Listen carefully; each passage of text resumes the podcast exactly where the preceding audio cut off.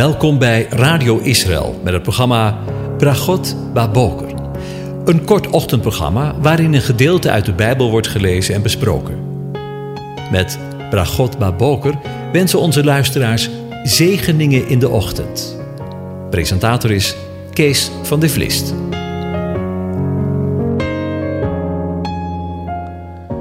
Goedemorgen, Bokatov, beste luisteraars. We denken weer verder na over Psalm 104. En de versen 24 tot en met 29 lees ik aan je voor. Hoe groot zijn uw werken, heren? U hebt alles gemaakt met wijsheid.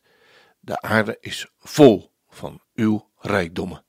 Daar ligt de zee, groot en wijd en uitgestrekt. Daar leeft krioelend gedierte, niet te tellen. Kleine dieren en grote. Daar varen de schepen. Daar gaat de Leviathan, die u gevormd hebt, om hem erin te laten spelen. Zij alle wachten op u, dat u hun voedsel geeft op zijn tijd. Geeft u het hun?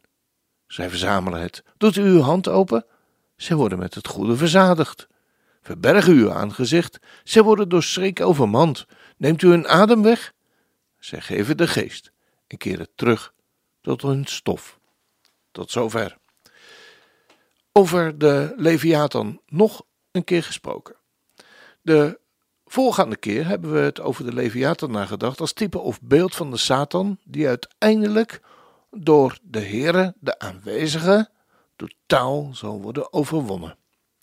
Deze keer wil ik met u nadenken over een volgend aspect van dit vers. De, daar gaat de Leviathan, die u gevormd hebt, die u, Heere, gevormd hebt.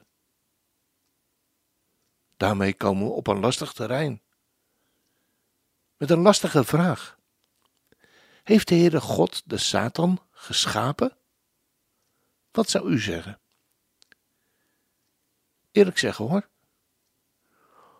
Omdat de Bijbel zegt dat JHWH alle dingen heeft geschapen, trekken sommigen de conclusie dat hij ook de duivel gemaakt moet hebben. De Bijbel laat duidelijk zien dat het niet zo is. JHWH, de Heere, de aanwezige, heeft degene geschapen die de duivel geworden is.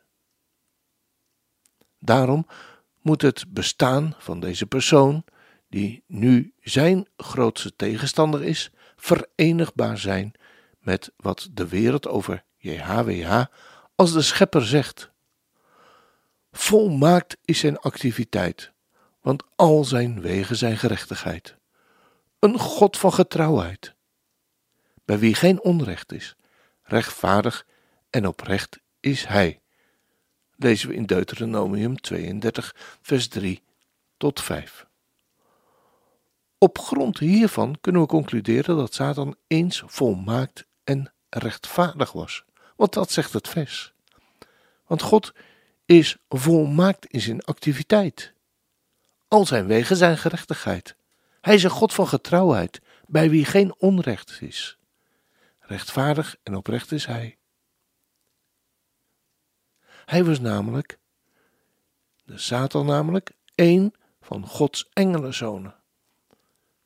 Oorspronkelijk droeg hij de veelbelovende naam Morgenster. Maar er is iets gebeurd waardoor hij nu bekend staat als Satan. Dat is tegenstander. Door de hele Bijbel heen komen we hem tegen waarbij één ding opvalt.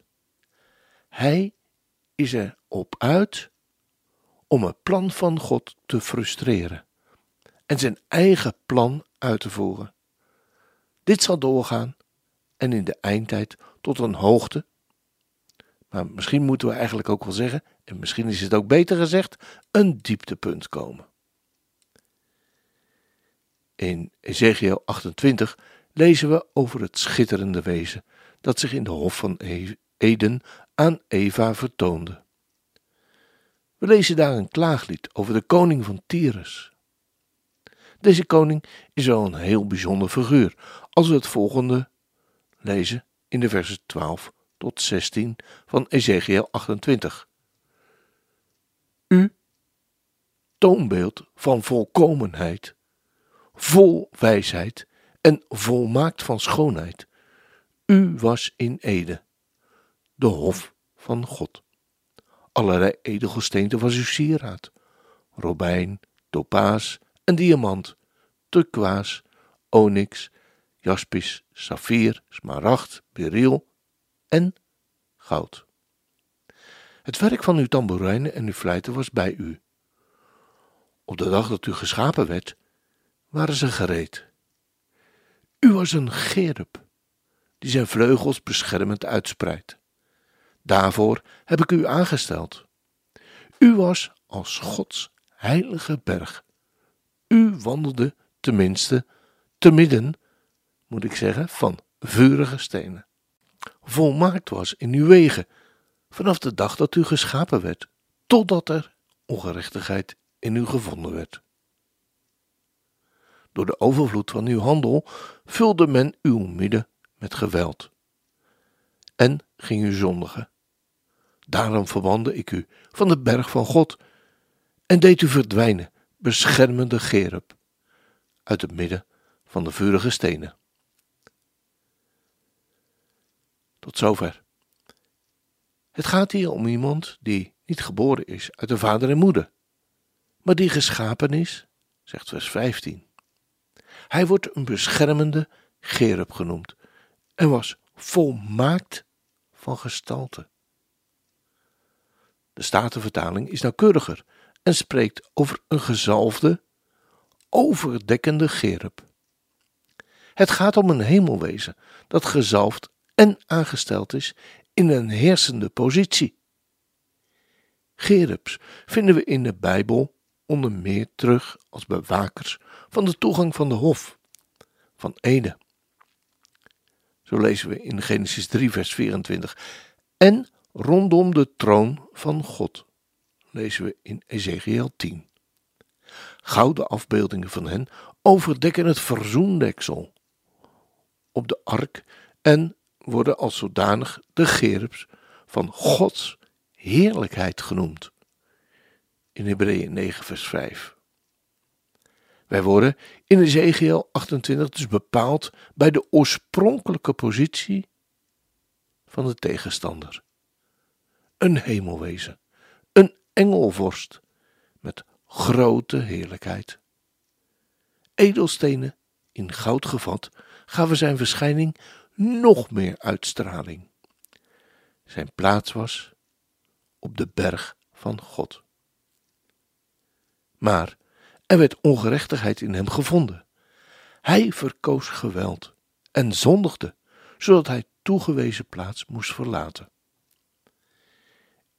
Vers 13 begint met: U was in Ede, de hof van God. Dit doet ons denken aan de schitterende verschijning in de hof die zich presenteerde aan Eva, met het doel haar te verleiden en zo de mens en de mensheid mee te nemen in zijn zonde tegen God.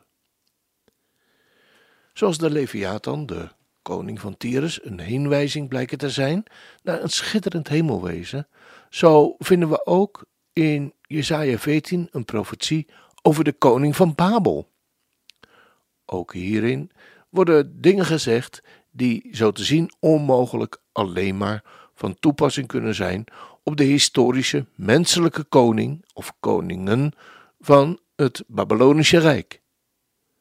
Zoals we lezen in vers 12 tot en met 15. Hoe bent u uit de hemel neergevallen, morgenster, zoon van de dageraad? U ligt geveld op de aarde, overwinnaar over de heidevolken. En u zei in uw hart: Ik zal opstijgen naar de hemel. Tot boven Gods sterren zal ik mijn troon verheffen. Ik zal zetelen, ik zal zetelen op de berg van de ontmoetingen van de noordzijde. Ik zal opstijgen boven de wolkenhemel en boven de wolkenhoogte. Ik zal mij gelijkstellen met de Allerhoogste. Echter, u bent in het rijk van de dood neergestort, in het diepst van de kuil. Tot zover. Het is niet zo moeilijk dezelfde figuur te herkennen als in Ezekiel 28. Hier gaat het om de morgenster, ook wel de schijnende, de lichtdrager, die de overwinnaar op de heidevolken genoemd wordt. Hier wordt het karakter van zijn zonde blootgelegd. Hoogmoed. Hij wilde zich verheffen boven Gods sterren. Dit is een aanduiding van engelenmacht in de hemel, in het hemelse gebied. Deze machten in de hemel hebben te maken met de heerschappij over de volkeren, zoals onder meer blijkt uit Daniel 10, vers 13 en 20. Hij wilde zijn invloed uitbreiden en zelfs met de Allerhoogste gelijkstellen. Dat is echter ondenkbaar. Er moest wel door de Almachtige geoordeeld worden. Hoogmoed, inderdaad, komt voor de val. In plaats van verhoging wordt hem vernedering in het vooruitzicht gesteld. Want wie zichzelf verhoogt, die zal vernederd worden. Maar gelukkig, Jezus is overwinnaar.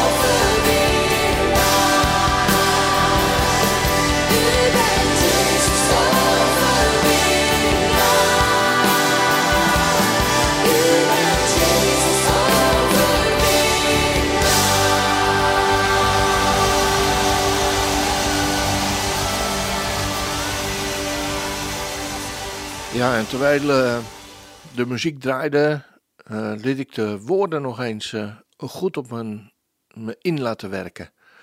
En ik heb er behoefte aan om gewoon de tekst nog eens een keer te lezen samen met u. Het is een tijd waarin donkerheid aanwezig is in deze wereld. Dus ik ik las ook net een artikeltje de krant over eh, de oorlog in eh, Oekraïne en eh, de Russen. Wat er allemaal aan de hand is. Maar dan zegt het lied waar u verschijnt, waar hij verschijnt, wordt alles nieuw. We mogen die, die, die mensen daar, waar alles kapot gemaakt wordt en kapot geschoten wordt. Maar als hij verschijnt, ook de, in die oorlog, daar wordt alles nieuw. Want hij bevrijdt en geeft leven. Niet de NAVO. Elke storm verstilt door de klank van uw stem. Alles buigt voor koning Jezus. Niet voor Vladimir Poetin. U bent de held die voor ons strijdt. U baant de weg van overwinning. Elke vijand vlucht. Ieder bolwerk valt neer. Naam boven alle naam. Hoogste Heer. En het zal niet een paar dagen zijn, zal niet voor een paar dagen zijn, maar voor eeuwig is zijn heerschappij. Zijn troon staat onwankelbaar. Ja, en eh, ik weet niet hoe lang dat met Poetin eh, duurt, maar eenmaal zal zijn troon vallen. Want Jezus is even overwinnaar. De duisternis ligt voor hem op. De duivel, de Leviathan, is door hem verslagen. Dood, waar is je macht? Waar is je prikkel gebleven? Jezus leeft en wij zullen leven. De duisternis ligt door hem op. De duivel is door hem verslagen. Dood, waar is je macht? Waar is je prikkel gebleven? Jezus leeft en wij zullen leven. De schepping knielt.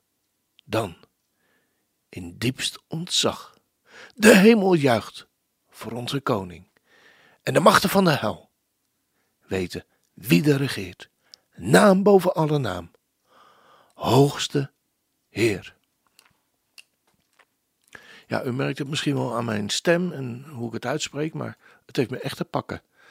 Eh, dat eh, we, ja, we kunnen wel eens ten eerste kijken hè, hoe deze dagen, hoe het allemaal gaat, en dat kan ons te neerdrukken.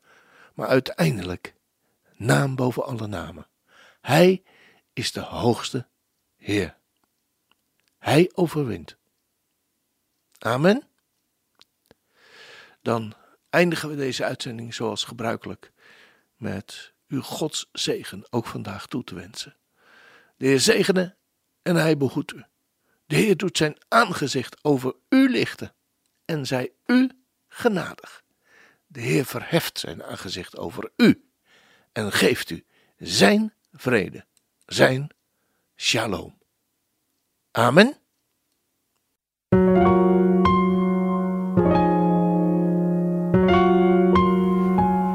U hebt geluisterd naar het programma Bragot Baboker. Een kort ochtendprogramma waarin een gedeelte uit de Bijbel wordt gelezen en besproken. Wilt u het programma nog eens naluisteren, dan kan dat. Ga naar radioisrael.nl en klik onder het kopje radio op Uitzending gemist.